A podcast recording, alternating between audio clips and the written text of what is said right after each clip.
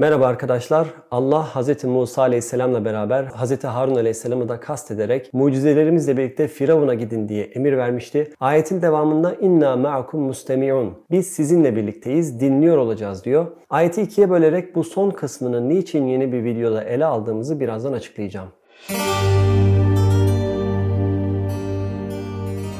Öncelikle Hz. Musa'nın nasıl oldu da abisini bu vazifeye teklif ettiği hakkında bazı soruların üzerinden gitmek istiyorum. Mesela Hz. Musa abisinin hayatta olduğunu, onun daha fasih ve güzel konuştuğunu nereden biliyordu? Yani 10 yıllık medyan hayatında hiç görüşme imkanı olmuş muydu? Hz. Musa'nın ablası ve annesi bu olayın neresindeler? Bu tarzı sorular var. Kısaca şunu söyleyebiliriz. Hz. Musa Aleyhisselam'ın zaten İsrailoğullarından bir çocuk olduğunu ve gerçek annesiyle tekrar kavuştuğunu biliyoruz. Dolayısıyla annesiyle sürekli irtibat halindeydi. Hz. Harun Aleyhisselam'ı abisi olarak bildiğine göre onların kendi gerçek ailesi olduğunu biliyordu. Dolayısıyla Hz. Musa'nın nasıl oluyor da Hz. Harun'u tanıdığı sorusunun çok bir merak edilecek tarafı yok. Zaten Hz. Musa Aleyhisselam Aleyhisselam belli bir yetişkinliğe eriştikten sonra Mısır'dan kaçıyor. O vakte kadar kendinden birkaç yaş büyük abisiyle sürekli irtibat halinde onun olayları nasıl yorumladığına şahit oluyor, edebi yönünü ve nasıl konuştuğunu da biliyor ve aklının bir köşesinde kahraman bir figür olarak kalmış olabilir abisi. Bu konuyla ilgili farklı görüşleri olan, farklı dersler çıkaran arkadaşlar varsa aşağıya yorumlarını bırakabilirler.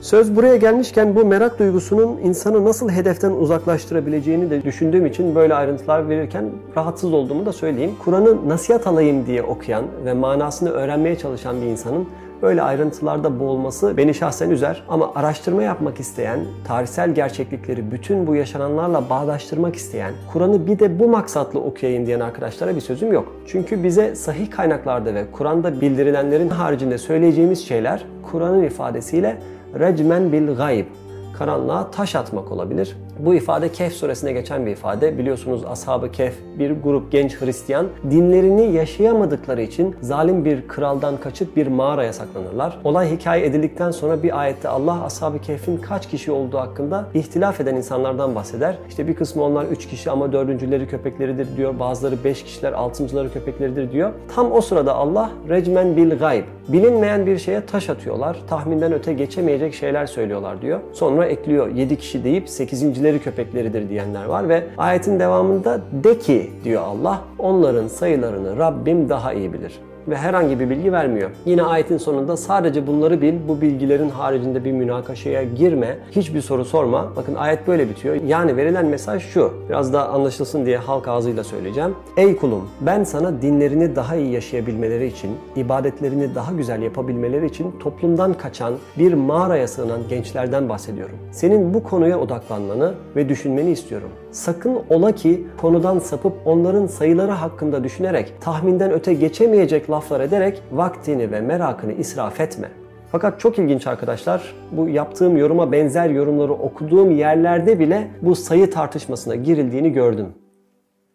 İkiniz mucizelerimizle birlikte gidin, biz sizinle birlikteyiz dinliyor olacağız diyor Allah. Bu mucizeler ne olabilir? Mesela Tur Dağı'nda verilen asanın yılana dönüşmesi ve beyaz parlak el mucizesi olabilir. Onların dışında yine Kur'an'da Musa Aleyhisselam'a verilen 9 mucize olarak bahsedilen ama keyfiyeti hakkında herhangi bir bilgi verilmemiş mucizeler de olabilir. Müfessirler bunların daha çok Firavun tarafından görülen mucizeler olduğuna dair yorumlar yapmışlar. Yani asa ile ilgili mucizeler, beyaz el, daha sonra Mısır'ı yıllarca kasıp kavuran tufan, çekirge, haşere, kurbağa, kan, en son denizin ikiye ikiye bölünmesini de ekleyebiliriz bunlara. Fakat birazcık farklı bir yorumla bütün bu mucize olayına değişik bir açıdan yaklaşmak istiyorum. Mucizelerin onları gören insanlar için iyi mi yoksa kötü mü olduğunu verdikleri tepkilere göre bilebiliriz. Bazen mucizelere şahit olmak insana imanı ve cenneti kazandırabileceği gibi inat edenler için de bir daha asla geri dönüşü olmayan bir mahvoluşa sürüklenme sebebidir. Mucize son başvurulacak mercidir ve o anda o ortamda izleyen gözler için yaratılmıştır. Düşünelim bir farz edin ki Hz. Musa aleyhisselam asasını denize vurup ikiye böldüğünde İsrailoğulları arasında gözleri görmeyen ama bir kişi olsun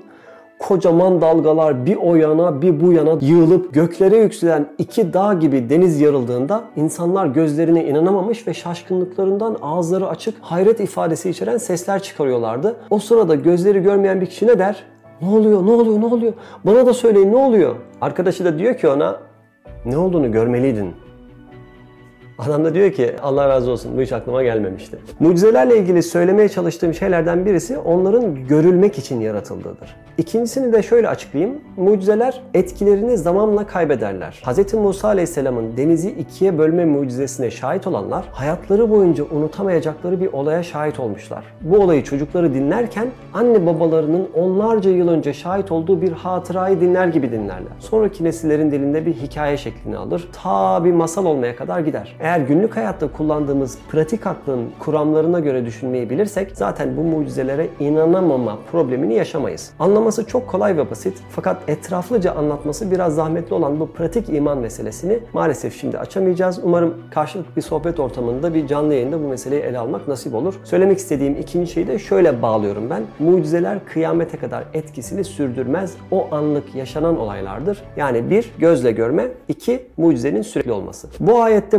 mucizelerimizle gidin biz sizi izleyeceğiz demiyor. Biz sizi dinliyor olacağız diyor. Yani Allah yaşanmak üzere olan Musa Aleyhisselam Firavun karşılaşmasındaki konuşmaların mucizevari bir surette olacağını, kulaklar için yaşanacağını, herhangi bir zaman dilimine esir kalmayacağını ve kıyamet gününe kadar doğru bakıp okuyabilenler için çok güçlü birer mucize olacağını ifade ediyor. Niçin böyle bir şarta binaen bunların bir mucize olduğunu söylüyorum? Çünkü bırakın kulakla duyulabilecek mucizeleri, geçmişte insanlar gözleriyle gördükleri mucizelere bile ülfet etmiş ve bir süre sonra hayranlıklarını yitirmişler. Denizi geçtikten hemen sonra bir put sevdasına kapılmaları, kudret helvası ve bıldırcın eti mucizeleri daha devam ettiği sırada nankörlük etmek gibi şeyler insanoğlunun tabiatında var. Bu konuşmalar da öyle. Çok kuvvetliler. Bir sebebi var bu konuşmaların ve bu sebep bir tarih bilgisi vermek değil. Yaşayan bir nasihat, bir hatırlatma. Bizimle ilgili konuşuyorlar. Bize düşen de bu konuşmalardan ilham almak ve dersler çıkarabilmektir. Bir sonraki ayette فَأْتِيَا فِرْعَوْنَ فَقُولَا اِنَّا رَسُولُ رَبِّ الْعَالَمِينَ Gecikmeksizin Firavun'a giderek deyin ki biz alemlerin Rabbinin elçisiyiz. Eski Mısır dilinde Firavun kelimesi büyük ev anlamına geliyor. Sarayı nitelemek için. Sonra krallara lakap olarak kullanılıyor. Firavun'a gitmek demek şehrin en güvenli sarayının içine kadar girmek demek. Sonuçta Firavun markette alışveriş yapmıyor veya İsrailoğulları mahallesinde dolaşmıyor. Dolayısıyla daha saraya bile varmadan ciddi öldürülme tehlikesi var. Hatırlayın güvenlik güçleri tarafından zaten öldürülmek isteniyor. Bir de Allah Firavun'la başlamasını istiyor tebliğe. Yani sen önce bir İsrail İsrailoğullarına git. Onların yavaş yavaş Allah'a iman etmesi için gayret et. Mısırlı halktan seni tanıyan, saray ahalisinden seni seven kişilere irtibat kurmaya çalış. Böylece hissettirmeden Mısır'da bu hak davayı insanlara duyurmaya başla. Böyle bir şey yok arkadaşlar. Şimdi vakit kaybetmeden Firavun'a gidin ve biz bütün alemlerin Rabbi Allah'ın Resulü olarak karşına çıktık deyin. Alem kelimesinin millet manasında kullanıldığı ayetler vardır Kur'an'da. Aslında kendisini bütün milletleri bir efendi olarak gören Firavun'a karşı bu sözleri söylemek çok tehlikeli. Eski Mısır'da Firavunlar güneş tanrısının oğulları. Direkt tanrı değiller fakat tanrısal özelliğe sahipler. Bir cins tanrı vekili olarak görülüyorlar. Diğer din adamları, rahipler vesaire de Firavunların başkanlığında iş yapıyorlar. Yani Firavun bir çeşit dini lider de aynı zamanda. Dolayısıyla kendisini her türlü kuralın üstünde görüyor. Normalde Hz. Musa'nın böyle bir giriş cümlesi yapması henüz ikinciyi bile görmeden idam masasına yatırabilir onu. Konuşma özgürlüğü yok, fikir beyan edebilme özgürlüğü yok. Kurulan mahkemeler zaten adil yargılayamaz çünkü Firavun'un aleyhine karar veremezler. Ve devam ediyor ayet. Musa ve Harun aleyhisselam alemlerin Rabbi tarafından geldiklerini ifade ettikten sonra Firavun'a diyeceklermiş ki en ersil ma'ana beni İsrail İsrailoğullarını serbest bırakacaksın.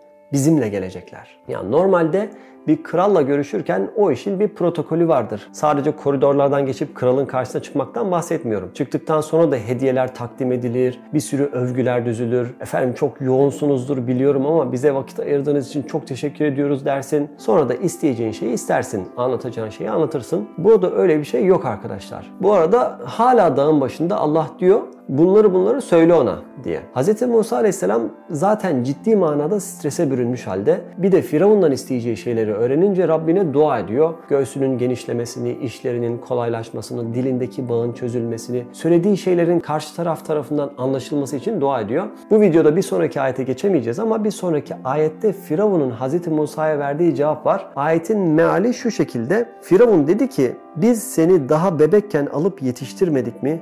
Ve hayatının nice yıllarını aramızda geçirmedin mi? Bakın bir önceki ayet dağın başında Allah'tan ne söyleyeceğine dair emirleri aldığı ayet. Hemen ardından Firavun'un verdiği cevap var. Filmlerde böyle sahnelere şahit olmuşsunuzdur eminim. Aslında hikayenin bir yerinde kesilip tamamen farklı bir yerinden tekrar başlaması o hikayeye zarar vermiyor. Biraz gizem katıyor. Zihnin hayal güçlerine bırakılıyor bazı şeyler. Mesela ne olmuş olabilir? Öncelikle Hz. Musa Aleyhisselam bitmesini hiç istemediği o buluşmadan ayrılarak dağdan aşağıya indi. Aşağıda onu kim bekliyor? Ailesi. Hemen ailesinin yanına gitti. Eşi ve çocukları dediler ki ya nerede kaldın baba? Hz. Musa inanmayacaksınız. Burada arkadaşlar bir parantez açarak şunu söylemek istiyorum. İnanmayacaksınız ama aslında inansanız iyi olur çünkü az önce peygamber oldum. Bana iman etmeniz gerekiyor. Ve Hz. Musa ailesine olanları anlatıyor. Planlar değişti. Firavun'a gidiyorum. Firavun'a mı? Evet, abimi alıp direkt saraya gitmem gerekiyor. Çok tehlikeli, siz geri dönün. Kendisi varabileceği en hızlı şekilde Mısır'a vardı. İsrailoğulları mahallesinde evine uğradı. Yahut Hazreti Harun Allah'ın bildirmesiyle abisini çölde karşıladı ve aralarında bir konuşma geçti. Abi haberler geldi herhalde.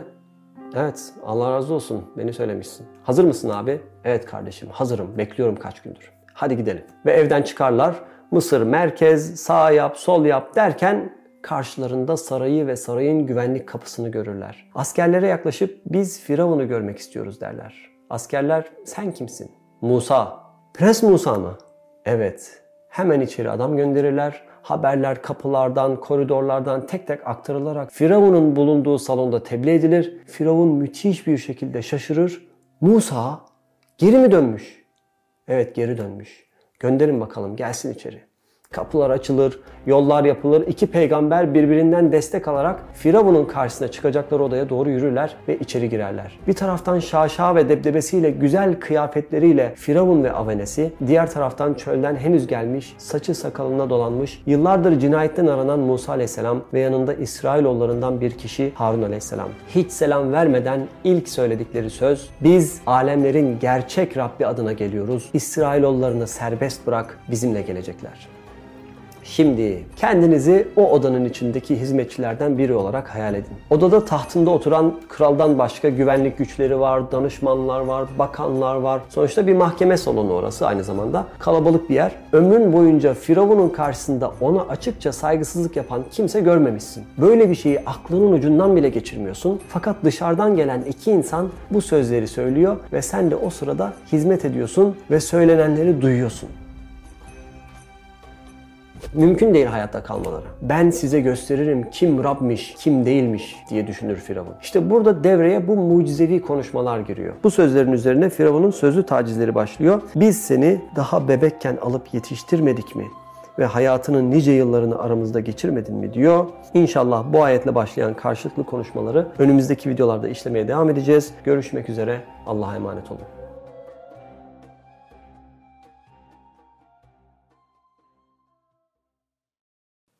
Yetti mi ya dakikası? Oh, alright.